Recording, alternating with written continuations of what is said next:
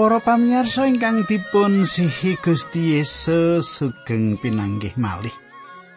Kalian kula pendeta pujianto wonten ing salebetipun adicara margi utami. Kados pundi pawartos panjenengan katang kula ing wanci menika menapa gesang panjenengan kebak kabingan ing wanci menika inggih. Kula piyambak kebak kabingan sinaosa kula radi kesel. inggih. Pak Puji kesel ae bendina inggih. Wah, pancen jenenge menungso lumrah ya kesel barang. Ora ana wong menungso randi kesel. Kajaba wong sing ora tau nyambut gawe. Iki ora nyambut gawe wae kesel ra jamak-jamak lungguh ya kesel ya. Kita Nah kateng kula pandonga kula panjenengan tansah pinaringan bagas waras lan mirah rejeki makaten panjenengan ing wanci menika kula dherekaken nyemak sinau kayektosan kayektosan saking pangandikanipun Gusti Allah lan sugeng midhangetaken adicara menika.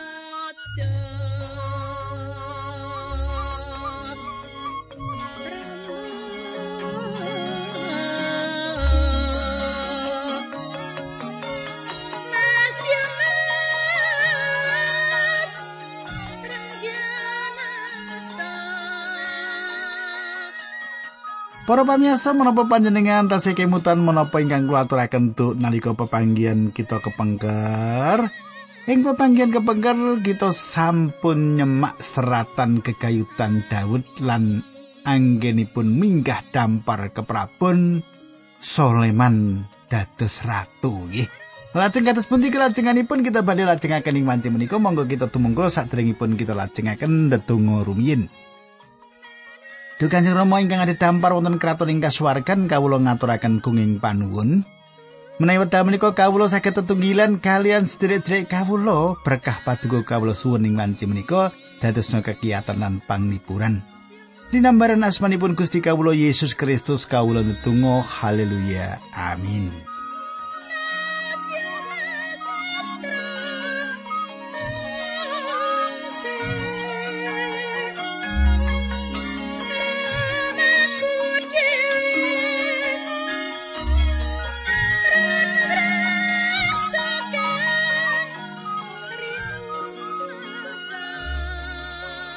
Para pamirsa pasinaon kita samenika sampun mlebet ing kitab kalih babat. Sampun lumebet ing kitab kalih babat. Ing salebetipun kitab kalih babat, kita badhe manggihaken kalih irah-irahan utami.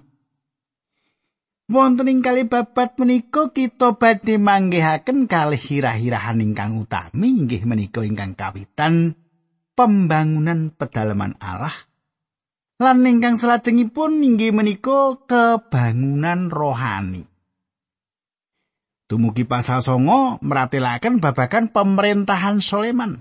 6 ing antawisipun kekayutan pembangunan pedalaman Allah. Cetha bilih Gusti Allah ingkang nengenaken perkawis menika pembangunan pedalaman Allah satunggalipun hasil ageng ingkang saged dipun gayuh dening Soleman. Tiang tansah gadah pikiran dumateng Sulaiman kegayutan semah-semahipun. Menika saestu ngitapi-tapi nanging boten ing mriku ingkang dipun tengenaken Gusti Allah. Menawi Sulaiman menika ngantos gadah istri kathah, menika boten dados kersanipun Gusti Allah lho para pamirsa. Menapa ingkang dipun tindakaken lalawanan kalian menapa ingkang dados kersanipun Gusti Allah lan ingkang dipun tindakaken menika satunggalipun sebab ingkang anda tengaken cecongkrahaning kerajaan menika. Ampun sanjang bila Sulaiman saged uwal saking akibat menapa ingkang sampun dipun tindakaken. Sulaiman boten saged uwal, dosa tangsa anda tengaken pahukuman. Mboten dados perkawis sinten ingkang nindakaken dosa-dosa menika badhe tansah anda tengaken pahukuman. satunggal-tunggalipun margi supados saben tiyang saged mlebet ing kasuwargan inggih menika tiyang menika kedah gadah sang juru wilujeng lan sinten malih menawi mboten Gusti Yesus Kristus. Dados menawi panjenengan samenika dering kagungan Gusti Yesus Kristus, panjenengan badhe nampeni paukuman dosa ingkang panjenengan tindakaken nggih. Ha, kudune ya panjenengan ora etuk paukuman saka Gusti Allah, ning nek kepengin mboten pikantuk paukuman saking Gusti Allah, panjenengan kedah pitados dumateng Gusti Yesus Kristus kados mekaten menika ingkang dipun ngendikaken dening kitab suci ingkang dipun ngendikaken dening Gusti Allah. Salajengipun kadang kula wiwit pasal sedasa Ngantos pungkasan kitab menika kerajaan menika dipun palih. Kerajaan menika dipun palih. Kita sampun nyemak saking kitab para raja bilih sesampunipun kerajaan menika kapalih wonten kathah raja ingkang gadah panguwaos. Kita sampun meratelaken bilih mboten wonten satunggal raja kemawon ingkang sae ing Israel. Mliginipun kerajaan Sisilet. Ingkang dipun tengenaken ing kitab menika inggih menika kerajaan sisih kidul inggih menika Yehuda. Lan ing garis turunipun Daud wonten gangsa raja ingkang misuwur inggih menika Asa, Yosafat, Yoas, Hizkia lan Yusia. Gangsa raja menika satunggalipun alat kangge nuntun malih kebangunan rohani kangge bangsa Israel menika. Para pamirsa, Gusti Allah menika Maha Kuwaos. Gusti Allah menika Maha Kuwaos. Kita mboten saged meksa Gusti Allah supados nindakaken menapa kemawon. Perkawis ingkang penting kangge panjenengan lan kula inggih menika supados lumampah selaras kalian menapa ingkang dipun kersakaken Gusti Allah. Kersanipun Gusti Allah asalipun saking kelanggengan mataun-taun terus pakaryanipun tumuju datang kelanggengan. Imut pilih panjenengan lan kula menika titahipun. Titah menika mboten saged budidaya meksa Gusti Allah supados Gusti Allah nindakaken menapa kemawon. Perkawisipun kita langkung remen mulur-mulur pendamelan kita rak sanes kewajiban Allah bangun turut dumateng kita nanging malah kita ingkang wajib bangun turut dumateng panjenenganipun. Kita kedah sinau kados pundi bangun turut dumateng kersanipun Gusti Allah lan gadah gegayutan ingkang caket kalian panjenenganipun. Kita badhe ningali bilih wonten sawetawis tiang malah para raja ingkang dipun agem Gusti Allah ngidapi-dapi awit para raja menika rila nindakaken dawuh lan boten nyukani dawuh. Sing penting nindakake dawuh Gusti Allah ora kok malah menehi dawuh. Kita biasanya tiang langkung sae kengken tindemangane nindakake gitu. Nah para pamirsa kita mboten badhe andadosaken kebangunan rohani kanthi mirengaken khotbahipun para teolog. Kita perlu mirengaken pangandikanipun Gusti Allah. Kula ngrumaosi pilih kebangunan rohani. Mboten badhe dumados menawi kula ngginakaken rancangan kula. Mboten ngginakaken pikiran utawi kegiatan jasmani, nanging kanthi panguwasipun Sang Roh Suci lan menika angel sanget dipun mangertos. Pundering kawigatosan saking kitab suci nggih menika ing para raja ingkang nganut garis turunipun Daud. Emut bilih garis turunipun Daud menika satunggalipun seratan saking paningalipun Gusti Allah. Nah, saat menika kula wiwiti bab setunggal ayat setunggal kali babat nggih. Kecerita Sulaiman putrane Raja Daud wis sentosa nggone madeg dadi raja merga saka berkahi pengiran alai nganti panguasane Sulaiman gedhe banget. Para pamirsa kula nate meratelaken bilih Soleman sanes pilihanipun Daud. Pilihan Daud inggih menika lari ingkang balilo dumateng piyambakipun ingkang nami Absalom. Daud nresnani Absalom, manahipun Daud ajur muwur ing wekdal Absalom dipun pecahi. Panjenengan kemutan bilih ing wekdal piyambakipun ngintun wadya balanipun piyambakipun nyukani pitedah dumateng para perwiranipun supados Absalom boten dipun tatoni. Daud rila ngorbanaken menapa kemawon demi kawilujengan lari menika. Daud nresnani lari menika. Manut kula ing salebetipun kathah perkawis Absalom memper kalian Daud nanging Absalom sanes ingkang dipun pilih Gusti Allah. Gusti Allah sampun milih Sulaiman lan Gusti Allah badhe berkahi Sulaiman. Gusti Allah milih perkawis-perkawis ingkang ringkih manut tetinggalanipun jagat menika lan Gusti Allah badhe ngagem Sulaiman. Kegiatan Sulaiman dipun pratelakaken ing salebeting karingkihanipun. Daud sampun tilar donya samenika. Gusti Allah badhe ngagem Sulaiman lan badhe ngidinaken Sulaiman supados mbangun pedalaman Allah. Para pamirsa, Sulaiman anak Daud dadi kuat ing sajroning kalungguhane minangka jejering raja. Kerajaan menika badhe gayuh jaman emas ing wedal Sulaiman nyepeng pusaraning praja. Daud sampun nyukani landesan ingkang kiat kangge kerajaan menika. Gusti Allah nganti dheweke lan iku dadi jalaran panguasane ngedap-edapi gedhe. Kados menapa sih kadarmanipun Gusti Allah nanging kita badhe nyemak bilih Soleman ing mangkenipun rak paugeranipun Gusti Allah. Soleman badhe tumuju ing satunggalipun kahanan ing pundi Gusti Allah badhe nampik piyambakipun lan ngendika dumateng piyambakipun bilih Gusti Allah badhe malih kerajaan menika Soleman gadah tanggal jawab atas dumadosipun cecongkrahan menika. Ayat kalih para kumendane pasukan sewu lan pasukan satus kabeh para punggawa negara para lajri keluarga lan rakyat Israel kabeh didawi dening Soleman. Panjenengan semak. Soleman ngawontenaken pepanggian kalian para pemimpin ing Israel. Ayat 3 Nderekake tindake menyang papan pangibadah ing Gibeon banjur padha budal mrono merga kemahe pangeran sing diyasa dening Musa abdine Allah nalika ana ing ora samun dumunung ana ing kono. Para pamirsa kemah suci menika wonten ing Gibeon. Kita kedah imut peti perjanjian dipun usung Daud dhateng Yerusalem lan kemah menika dipun edekaken wonten ing mriku. Nanging bangsa Israel mboten saged sowan Gusti Allah secara langsung. Menika satunggalipun perkawis ingkang ngidapi-dapi margi tumuju dumateng Gusti Allah inggih menika lumantar kemah suci. Awit mespeh tembaga wonten ing salebeting kemah menika lan mespeh tembaga menika nggambaraken salib Sang Kristus. Tiang-tiang menika kedah kesah dateng menika supados nyaket Gusti Allah. Panjenengan lan kula kedah sowan ing ngarsanipun Gusti Allah kanthi cara ingkang sami. Wonten satunggalipun anggepan ingkang sumebaring jaman samenika inggih menika ingkang sanjang bilih wonten ing kahanan menapa kemawon tiang saged kemawon mlebet ing pangayunanipun Gusti Allah lan Gusti Allah badhe ngatosaken Para pamirsa kitab suci mucalaken bilih Gusti mboten tansah paring wangsulan dumateng donga-donga cobi panjenengan semak setunggal Petrus 3 ayat 12 Awit tingali alaiku tumuju marang para wong sing ngestokake dawuh lan talingane nilingake pandungane nanging wong sing nglakoni piolo dilawan dening pangeran. Para pamirsa Gusti Allah mboten nate paring pangandikan panjenenganipun badhe paring wangsulan dumateng donga-donganipun tiang-tiang kang nindakaken piawon.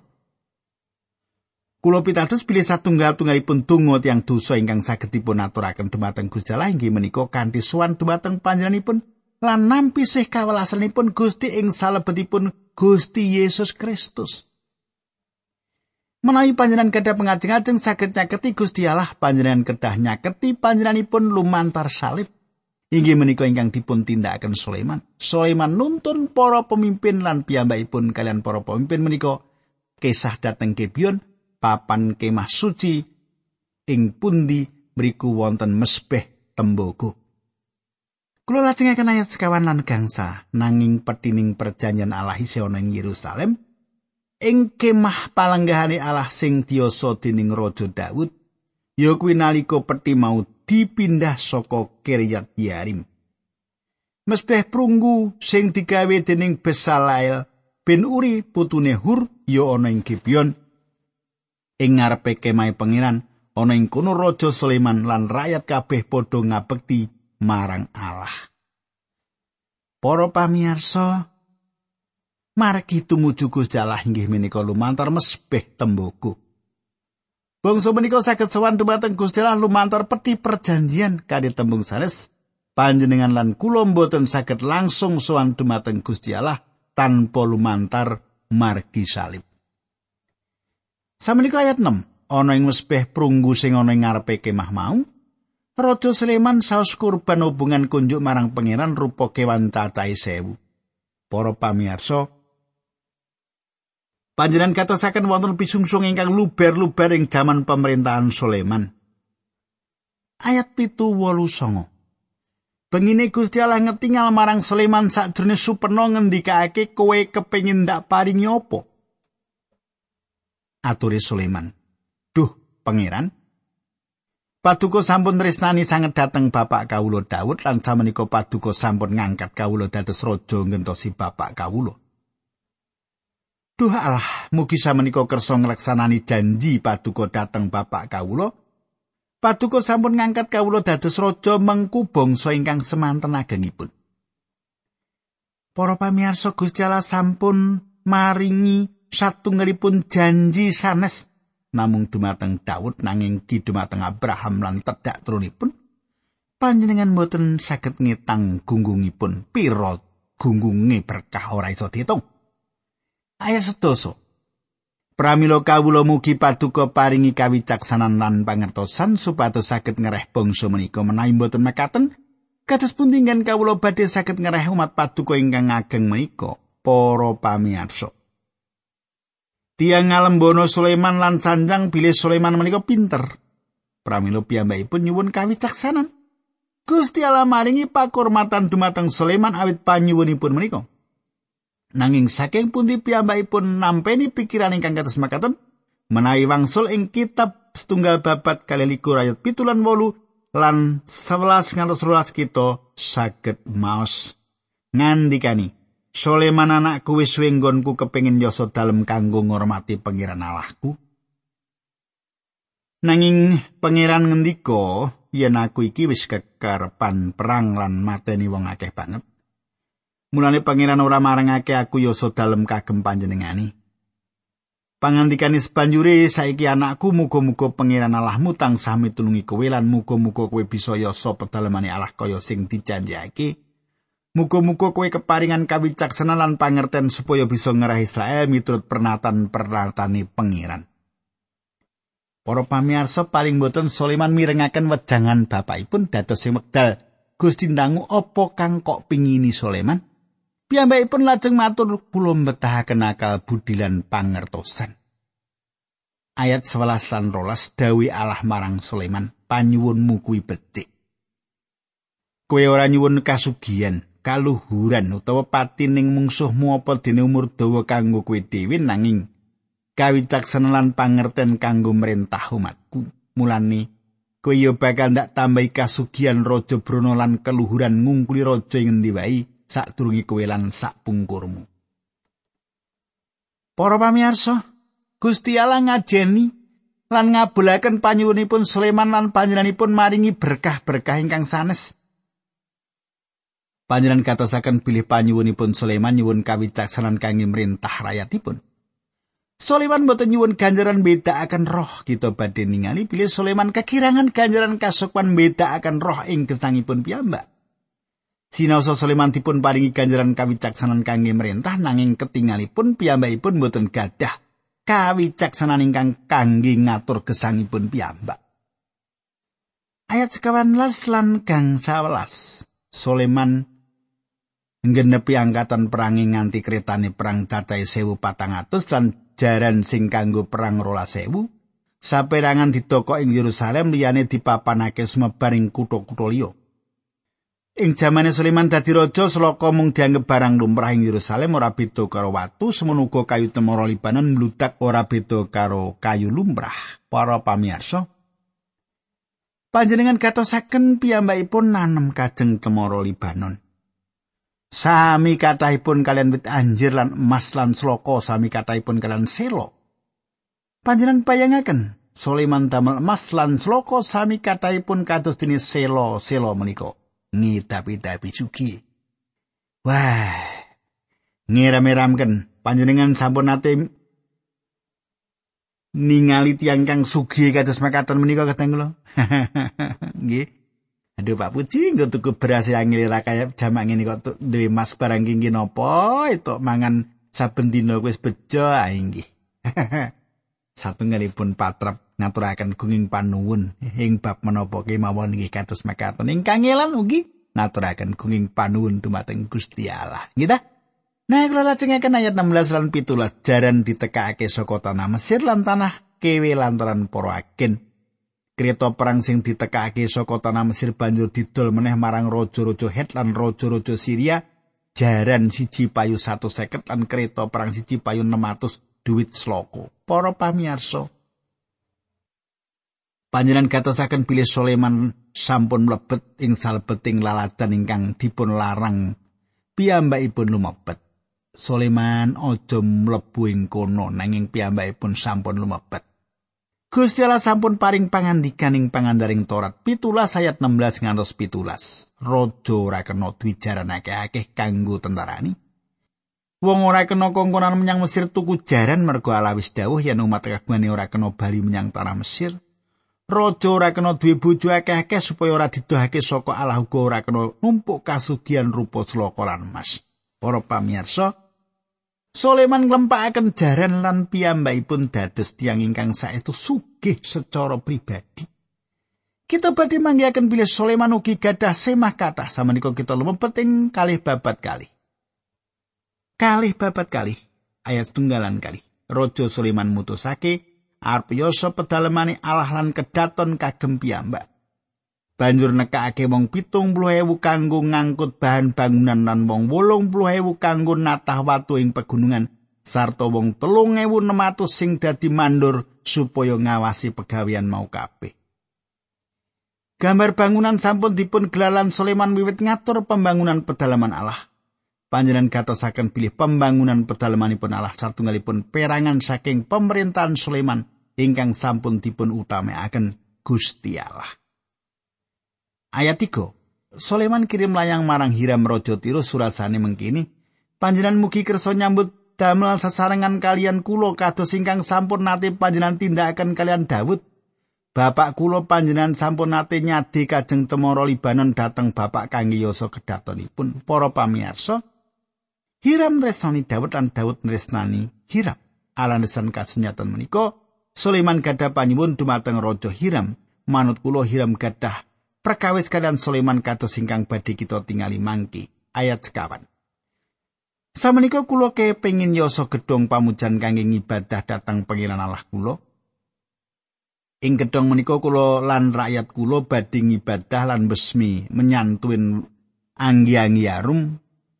Badhe nyaosaken roti sausan kagem panjenenganipun sarta saus kurban hubungan saben injing lan sonten inggih saben dinten sabat lan dinten raya wulan inggal tuwin dinten-dinten mirunggan ingkang kedawaken dening pangeran Allah kula kangge ngurmati panjenenganipun awit Allah sampun paring dawuh supados umat Israel selaminipun nindakaken prakawis menika. Para pamirsa, panjenengan katasaken bilih menika dados satunggalipun kewajiban kangge saklami-laminipun wonten kata ingkang maiben kekaitan korban obaran menika ing jaman kerajaan sewu tahun. Awit korban obaran kewan gambaraken korban Sang Kristus ing kajeng salib King menapa kurban obaran badhe dipun tindakaken maling jaman kerajaan sewu taun awit Gusti Allah paring dawuh makaten. Inggih menika jawabanipun mesti kemawon menapa ingkang dipun tindakaken menika badhe kebak makna lan badhe dados satunggalipun pepenget kegayutan Gusti Yesus Kristus. Ayat gangsal pedalemanipun Allah ingkang badhe kula yasa menika kedah sae sanget margi Allah kula menika langkung luhur tinimbang para dewa pundi kemawon. Para pamirsa ing jaman samenika menapa ingkang damel satunggalipun perkawis dados ageng? Menapa ingkang damel tiang dados misuwur? Menapa ingkang damel satunggalipun bangsa ageng? Menapa ingkang damel satunggalipun gereja ageng? Gusti Allah. Inggih menika ingkang asring mboten kita tingali.